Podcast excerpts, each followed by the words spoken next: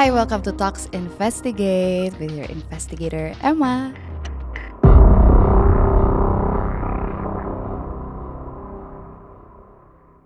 Kita akan ngebahas kasus-kasus yang gak cuma terjadi di Indonesia, tapi juga terjadi di belahan dunia lainnya. Hari ini saya akan ditemani dengan siapa kamu? Hai. Suara manisnya, manis tuh. Halo, halo. Hai, hari ini ditemenin sama Ayang. Ayang. Hari ini Ayang, eh, Ayang adalah seorang creative strategist slash PA slash roadman slash Biji.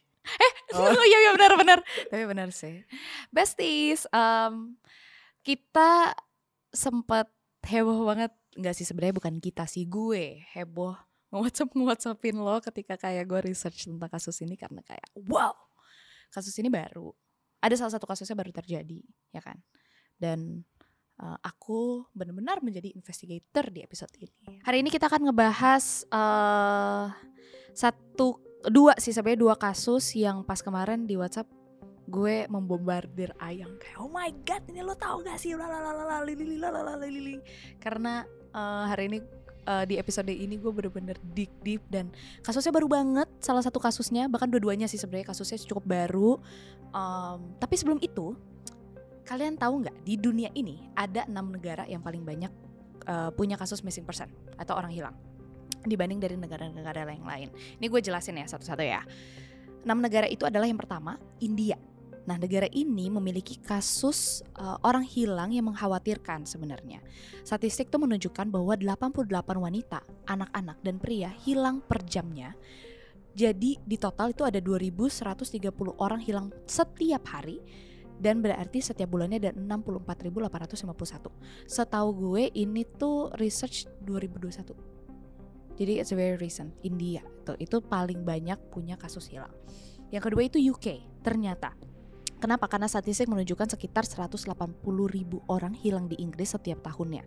Jumlah tersebut diyakini terlalu rendah karena dari 353 ribu uh, file orang hilang yang dibuka setiap tahun. Jadi berarti dari 353 itu tuh ada yang gak kurus mungkin kali ya. Kayak cuman makanya cuman 180 orang. 180 ribu orang. Nah mayoritas orang hilang ini terdiri dari anak-anak. Mayoritasnya, which is that is very sad actually. Karena maksudnya kayak know- knowing this is UK. Tetapi berbeda dengan negara-negara yang lain, 80% dari mereka tuh ditemukan dalam waktu 24 jam. Jadi penanganan mereka cukup oke lah. Walaupun angka orang hilang dan di ini di Inggris ini tuh cukup mengkhawatirkan sih. Nah yang ketiga itu Syria. Of course, negara ini kan adalah salah satu negara yang dikenal dengan konflik eh, dan perang. Nah, makanya banyak warga-warganya itu menghilang. Eh, beberapa mereka tuh jadi sasaran penghilangan paksa dari kelompok oposisi bersenjata. Nah, tahun 2019 Suriah tuh mencatat jumlah orang hilang tertinggi itu tuh akibat konflik, which is itu ada di 100 ribu orang. Lu bayangin 100 ribu orang, 100 ribu orang tuh GBK, eh Oh, iya sih. ya kan Se-GBK hilang tuh. Istora kali ya, 100 ribu ya? Nggak, Iya kali ya. Istora kayaknya cuma berapa ribuan. Oh, damn. Nah ini bayangin 100 ribu orang hilang karena kof- karena konflik. Nah, yang keempat adalah Kolombia. Nah, negara ini memang apa ya? Memang terkenal kalau misalnya lo look back dari 2019 ketika kartel narkoba sama kelompok gerilya kayak M19 itu tuh eh, masih menggunakan penculikan untuk memeras uang daripada korban itu banyak banget memang sejak 2009. Nah, 11 tahun kemudian which is kayak 2020 ya. 11 tahun kemudian. Ya, negara ini tuh eh, masih dilanda konflik karena kelompok bersenjata itu tuh masih menculik orang untuk mengembangkan ketakutan di kalangan warga sipil dalam upaya mempertahankan kendali. Nah, menurut Departemen Arauca, ini gue bacain datanya, 2020 di tahun itu mereka memiliki jumlah orang hilang tertinggi. Seseorang akan dilaporkan hilang setiap tiga hari. Ini kayak di film Harry Potter ya. Hah? Di setiap di radio Oh iya iya. Iya. Oh, ada aja orang hilang, ada aja iya. orang mati. Iya bayangin kayak imagine Harry Potter Sorry. lagi kayak oh iya Kolombia sih Harry Potter setiap tiga hari imagine every three days lo buka berita ada yang hilang every three days itu gila sih nah yang kelima itu adalah Meksiko nah menurut daftar nasional Meksiko lebih dari 100 ribu orang dilaporkan hilang selama dua tahun terakhir which is 2020 sampai 2022 Nah, banyak orang hilang ini terdiri dari laki-laki yang menjadi korban kekerasan yang terkait dengan kejahatan terorganisir. Sebagian besar penculikan itu tuh nggak dilaporin. Kenapa? Ini ini paling sedih sih. Karena korban takut akibat mereka uh, ngelaporin ke pihak berwenang itu tuh akan ada konsekuensi yang buruk ke mereka sendiri. Gila serem gak sih?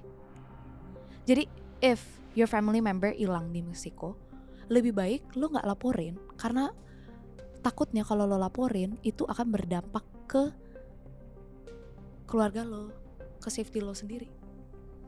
Artinya di Meksiko tuh kurang lebih mereka takut sama polisi juga ya? I think the akibatnya juga sih. Dan setahu gue korup, korup eh polisi di Meksiko tuh korup. korup. Oh. Setahu gue mirip lah sama negara terdekat kita. Oh, oh kayak kenal, kayak deket nih, kayak familiar ya kan? Yeah. Nah, negara terakhir itu adalah Nigeria. Di semester pertama 2021 aja, in the first semester of 2021 alone itu tercatat 3000 orang hilang. Berarti setiap bulannya ada 500 orang hilang. Berarti kalau misalnya di 500 orang hilang misalnya kayak dibagi 30 hari ya. 16 orang per hari. Ke mana itu? Ke mana itu? Sedih ya. Karena di Januari aja tuh Januari sendiri ini meningkat berarti 571 orang diculik. Nah, tingginya ini ternyata dikaitkan sama praktik bandit di negara Nigeria. Nah, militan dan bandit yang menculik orang itu tuh untuk tebusan atau kayak misalnya untuk praktik-praktik uh, yang berkembang di Nigeria Utara atau juga ada yang menculik buat kayak cult atau pembunuhan ritual gitu. Hmm. Itu biasanya gede di Nigeria Barat atau Timur atau alasan-alasan lain lah tapi kayak it's so much. Banyak banget sih. Nah untungnya untungnya nih Indonesia nggak masuk ke dalam enam negara paling banyak kasus orang hilang. Tapi tapi Indonesia pernah mengalami satu musim di mana banyak penghilangan paksa karena unsur-unsur politik dan alasan lain. Masih inget nggak ayah? Masih. Masih dong, karena belum terusut sampai sekarang. Iya, kita masih umur eh, empat uh, tahun. Masih empat tahun, tapi sampai sekarang juga masih banyak yang belum terusut. Ini gue bacain satu-satu ya. Uh, komisi untuk orang hilang dan korban tindak kekerasan kontras lu tahu nggak ternyata ada komisi itu? Nggak tahu. Nggak tahu kan? Gue juga baru tahu ternyata ada komisi lu bayangin sampai di negara kita ada komisi untuk orang hilang dan korban tindak kekerasan menyatakan puluhan ribu orang yang menjadi korban penghilangan atau penculikan sejak tahun 1965 sampai 2013 itu tuh belum ditemukan hingga saat ini. Most of them. Ada nanti gue bacain oh. satu kasus akhirnya udah ditemukan. Nah, Kepala Divisi Pembelaan Hak Sipil dan Politik Kontras, Putri Kanesia, itu tuh ngerinciin bahwa sebanyak 32.774 orang dinyatakan hilang dalam kurun waktu uh, dari tahun 1965 sampai 1966 setahun ya. dan tidak pernah diusut hingga ke pengadilan itu sampai sekarang ya. Hmm. Nah jumlah itu termasuk 500 ribu sampai sejuta orang yang hilang selama tragedi di tahun 1965. Gue kemarin ngebaca satu artikel ada satu orang sampai dideportasi karena dia datang ke Indonesia. Gue lupa dari negara mana. Karena dia pengen mengusut bapaknya tuh salah satu yang hilang di tahun 1965 dan sampai sekarang nggak tahu di mana. Kenapa dia dideportasi? Ah, I don't know. I, I forgot. Kayak gue lupa ada kayak unsur politik atau kayak uh, dia lebih lama dari visanya dia I don't know. Tapi kayak oh. maksudnya the fact kalau dia datang untuk kayak mencari bapaknya tahun 1965 ini hilang ya. Jangan-jangan dia dideportasi untuk menutupi itu bisa juga. kasus ya? Bisa juga atau ya kayak untuk supaya nggak terkuak terkuak lagi lah. Karena ada banyak banget. 32.774 orang hmm. hilang. Nah Uh, tahun 1982 sampai 1985 ada 23 orang hilang. Nah, zaman tersebut diduga berkaitan dengan aktivitas penembakan misterius pada masa Orde Baru. Hihihi. Petrus nih, Petrus. Oh iya kali ya? Iya. Yeah. Iya ya, ini yeah, ya. Iya, penembak misterius itu. Oh, Petrus. Petrus. Oh, si Petrus nih pada masa Orde Baru. nah, tahun 1985 ada peristiwa Tanjung Priok. Nah, 23 orang hilang dan belum ditemukan hingga kini berarti ini tahun 85 abang gue tahun 87 berarti dia usianya sekarang ini udah 37 tahun berarti ya kurang hmm. lebih. Nah kasus ini sempat dibawa ke pengadilan HAM ad hoc.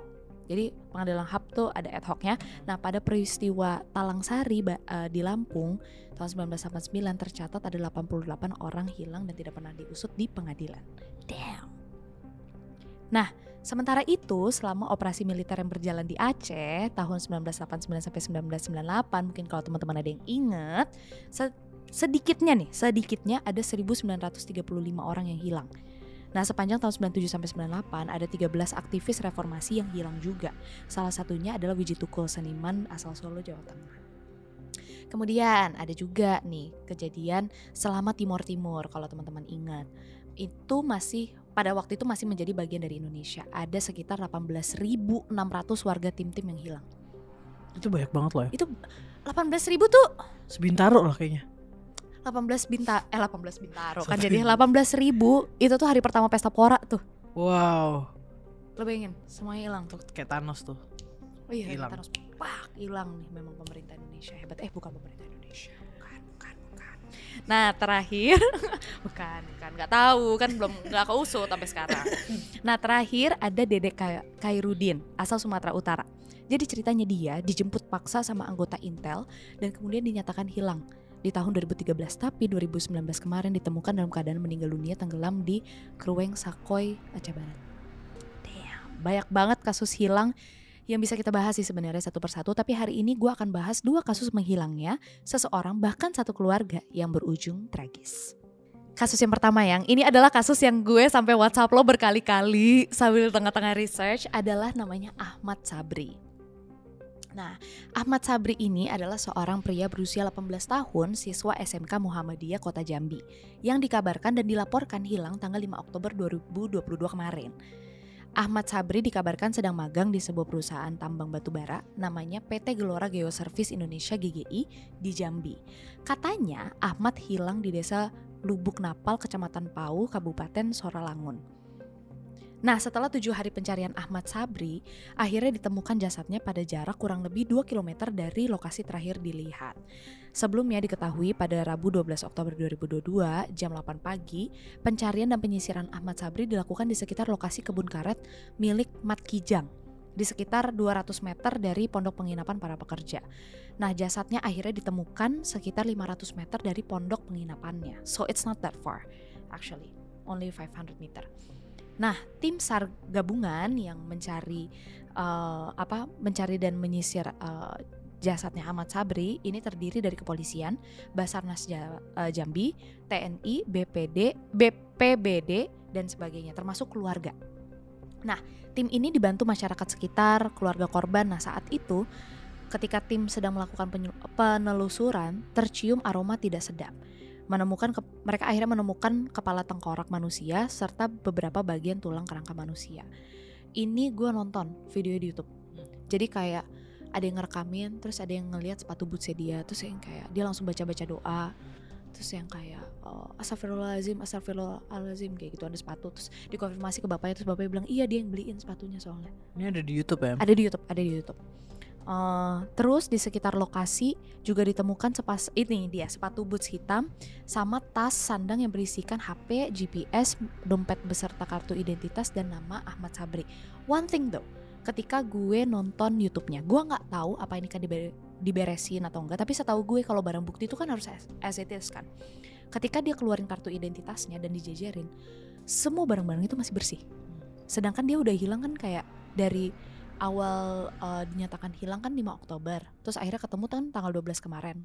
That means itu Tujuh hari. tujuh hari. Nah selama tujuh hari bayangin aja tujuh hari HP, GPS, dompet semuanya masih bersih. Tapi yang ditemukan cuman kepala tengkorak dan beberapa tulang dan bersih. Itu gue lihat sendiri kepala tengkoraknya. Hmm. Itu bersih bener-bener sebersih bersih itu yang kayak udah nggak ada rambut, udah nggak ada apa. It's so scary that they found Ahmad Sabri's uh, body not that far from the place dia tinggal. Itu sebenarnya setelah diotopsi sudah di hmm, udah yakin itu Ahmad Sabri. udah udah tes DNA segala macam. Oh. Makanya udah di berita udah ngomong ini udah fix ini Ahmad Sabri. Wow. Dan yang seremnya adalah tubuhnya tuh ditemukan nggak nggak jauh dari penginapan. Lebihnya cuma 500 meter doang. Maksudnya kalau misalkan itu memang ada baunya tuh mestinya udah kecium. Hmm, hmm, hmm. Udah ya gue nggak tahu sih ini kan kebun karet ketika di video itu bener-bener kayak hutan kan. Tapi cuma 500 meter. Nah, eh yang tadi gue bilang dia ditemukan hanya beberapa tulang kerangka sama tengkorak kepalanya.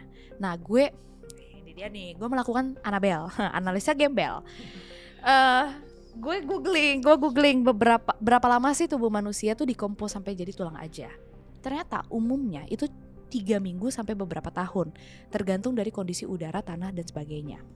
Nah gue pribadi kan gue nggak pernah ya ke area kebun di Jambi, tapi mestinya tuh kan selayaknya kebun di Jambi kan itu agak humid kan, karena Indonesia kan negara tropikal. Nah, so I googled berapa lama tubuh manusia menjadi kayak menjadi tengkorak dikompos di hutan atau kebun. And you know, mestinya at least 3 bulan. Sedangkan dari laporan sampai ditemukan cuman 7 hari.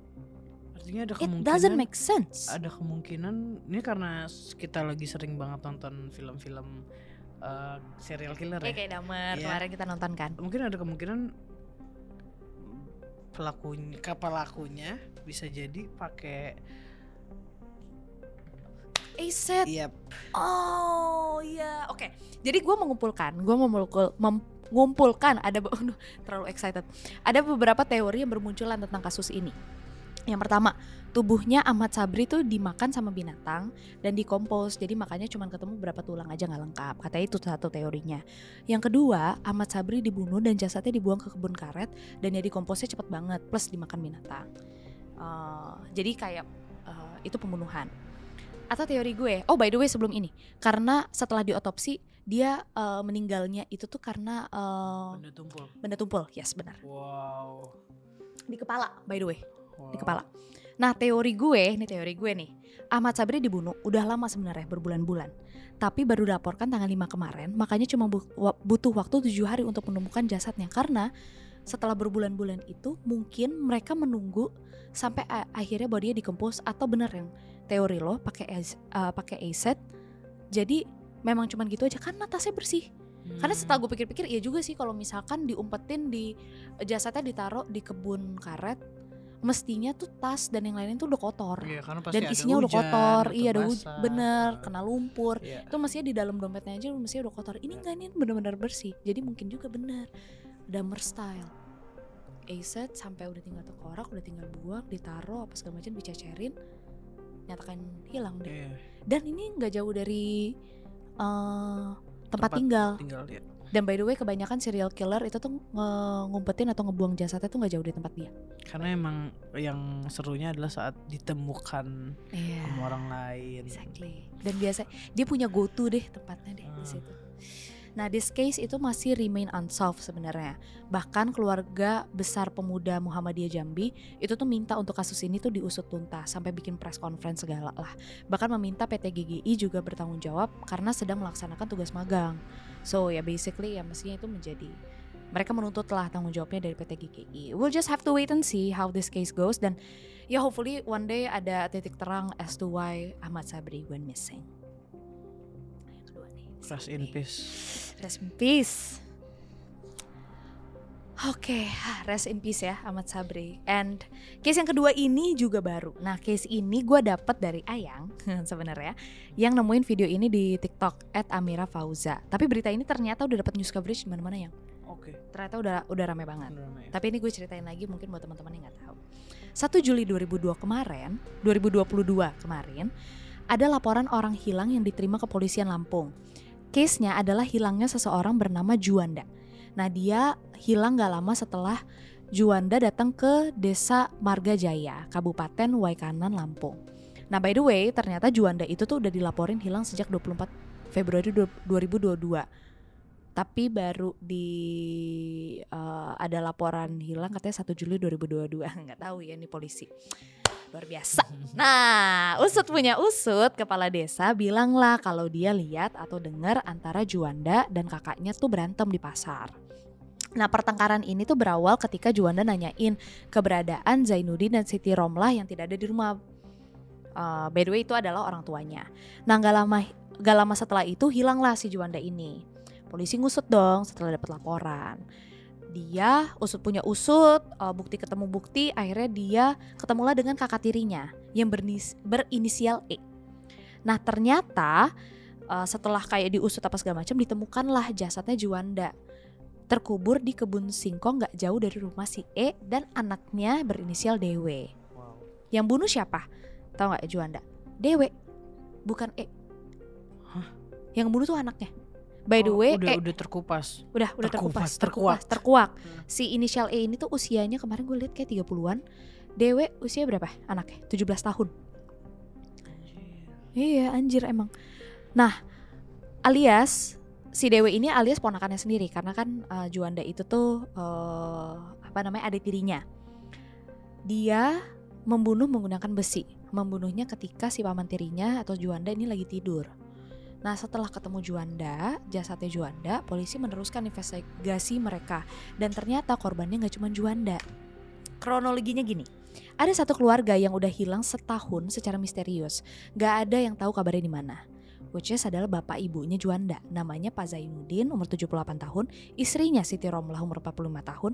Anaknya Wawan Wahyudin, umur 55 tahun. Serta cucunya Zara, umur 6 tahun. Nobody knew where they went and how. Pak Zainuddin itu cukup dikenal karena aktif di masjid tuh sering mengumandang apa sih mengumandangkan azan lah. Dia aktif di sana. Nah, one day they just disappear out of nowhere, sekeluarga. And the crazy thing is, seperti yang tadi gue udah spill sebenarnya Pak Zainuddin ini adalah ayah tiri dari Juanda, alias ayah dan kakek kandung dari E dan si Dewe. Yang ternyata mereka udah hilang sejak Oktober 2021. Jadi kasus ini udah setahun Wow. hilang. Dan mereka akhirnya ketemu karena si Juanda ini. Kalau nggak ada case si Juanda Hmm. ini, mereka nggak akan ketemu hingga sampai saat ini. Hmm. Nah si E membunuh bapaknya dan ibunya sendiri dan kakaknya dan ponakannya. Eh kakaknya dulu deh, kakaknya itu gunain kapak. Oh, Jadi kayaknya dibacok. si E ya? Itu si E. Sementara pembunuhan terhadap Zara yang umur 6 tahun itu tuh dilakukan secara mencekik. Nah kemudian jasad mereka tuh diumpetin ke septic tank di belakang rumahnya Pak Zainuddin. Selama setahun gak ketahuan karena ditutup dan langsung dicor pakai semen jadi nggak bau. Motifnya simple, berebutan harta, berebut harta warisan. Diduga kuat itu jadi alasan utamanya karena ketika Pak Zainuddin ini hilang sekeluarga nggak lama kemudian rumahnya Pak Zainuddin dan beberapa tanahnya tuh dijual Hmm. Kayak gitu. Dan katanya orang-orang warga sekitar ngeli bilang katanya pelaku tuh sering ngelihat kayak mereka tuh bertengkar karena menyangkut soal warisan. Si E dan si bapaknya. Juan. Oh. dan keluarganya. Maksudnya intinya si E sama si Dewi ini tuh sering berantem dengan keluarganya karena harta warisan. Hmm. tapi kalau kita sering nonton uh, crime uh, serial killers crime gitu uh, Jumawa ini menurut gue dia slipnya dia. Cuma wa- salahnya si Ju itu nama yang korban yang pertama. Juanda. eh Juanda. Astagfirullahaladzim. Maksudnya Juanda guys, I'm so sorry. Iya, Ju- aduh gue jadi malu. Juanda, Juanda itu slipnya. Karena mereka berantem dulu di pasar. Otomatis ketika dibunuh semua orang kayak langsung tahu. Oh iya iya iya. iya. Dan itu gampang banget, maksudnya kayak Gue juga bisa nih Walaupun gue salah sebut tadi namanya almarhum.